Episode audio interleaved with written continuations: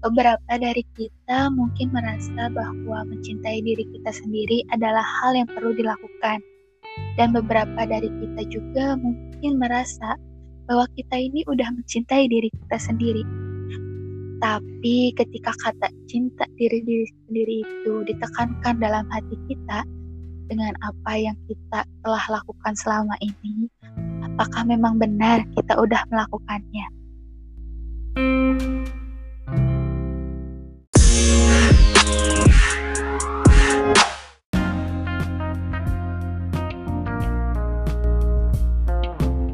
semuanya, selamat siang. Berkenalan dulu dengan kami yaitu podcast Inner Us. Podcast ini diusung oleh UPI Sumedang Broadcast yang dirancang khusus oleh bidang pers. Di sini bersama aku MC Syah dan rekan aku Halo semuanya, aku MC Ra, partner dari MC Syah yang bakal nemenin kalian di podcast Inner Us kali ini.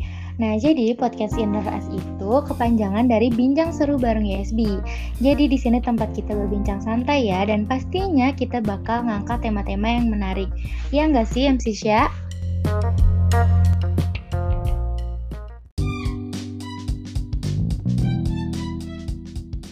Nah, betul banget MC Ra. Tadi kan di awal kita udah sedikit intermezzo ya tentang apa yang akan kita topik apa yang kita angkat hari ini dan orang-orang pasti udah bisa nebak. Hmm. Dan betul banget ya tentang diri kita sendiri atau have you love yourself? Apakah kalian udah mencintai diri kalian sendiri sampai hari ini?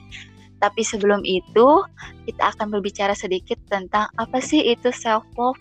MC Ra, boleh nggak dikasih tahu self love itu apa? Oke, jadi aku mau ngejelasin ya self love itu apa. Uh, jadi, self-love itu adalah usaha yang dilakuin sama diri kita sendiri untuk menerima kekurangan dan kelebihan yang ada di diri kita. Nah, tapi bukan berarti kita mencintai diri kita sendiri itu uh, tanpa melakukan usaha apa pun. Nah, ini nih, kalian harus hati-hati. Jangan sampai kalian itu berlindung di balik kata self-love, padahal kalian itu adalah selfish. Kayak gitu, MC Syah.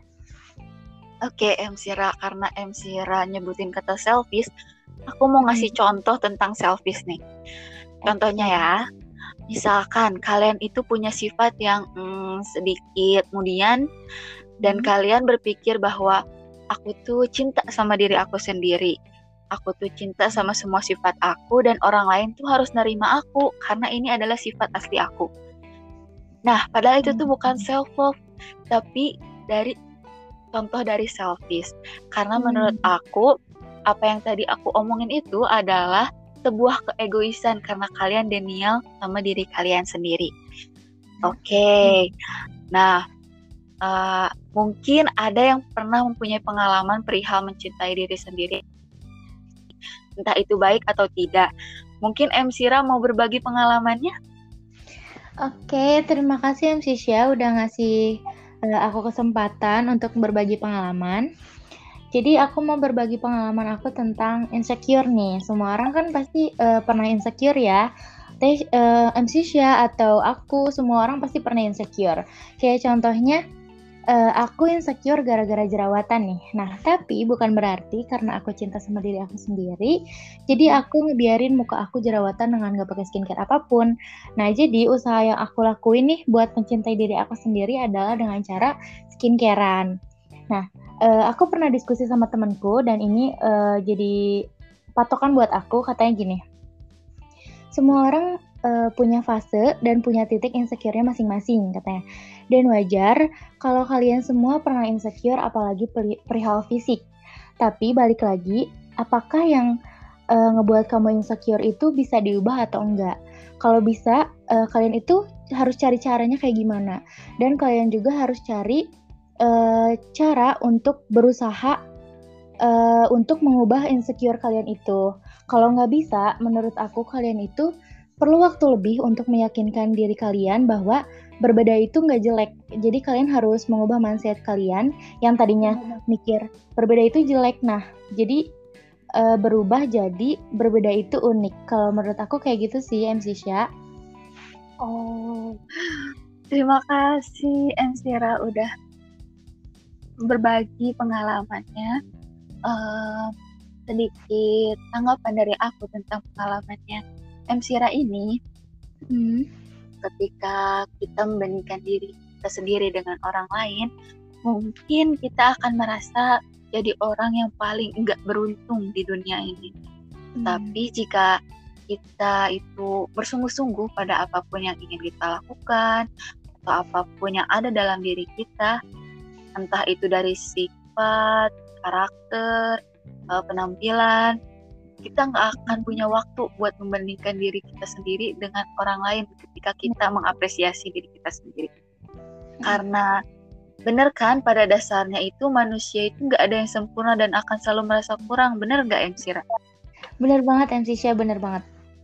Iya, jadi mau secantik apa pun, mau sebody goals apa pun, kamu akan pasti, pasti aja akan ada rasa kurang dalam diri kamu. Kamu akan pasti merasakan berada di titik di mana ada satu hal sekecil apa pun yang kamu nggak suka, seperti apa yang MC Ra bilang.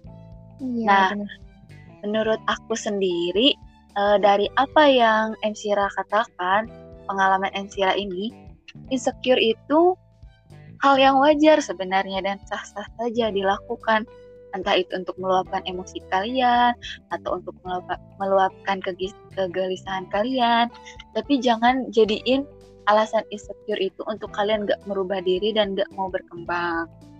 Gitu MC Ra benar banget MC Syah Uh, terus aku mau nambahin ya sedikit uh, tentang Boleh.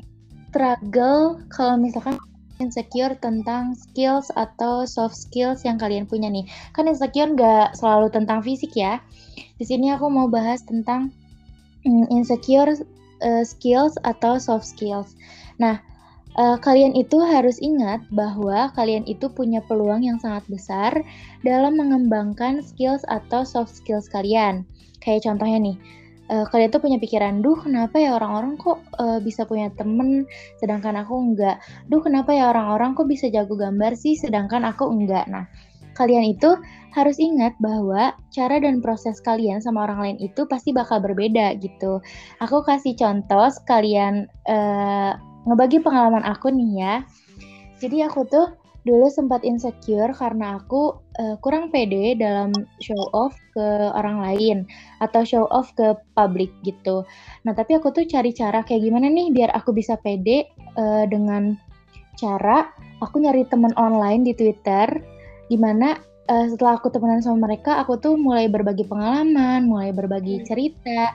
Nah, dari situ aku banyak ngobrol sama mereka, akhirnya aku mulai memberanikan diri aku untuk show off di uh, publik gitu MC Sya. Keren banget MC Ra. Berarti MC Ra ini udah keluar dari zona nyamannya ya? Iya, sedikit-sedikit uh, harus iya. keluar hmm. dari zona nyaman.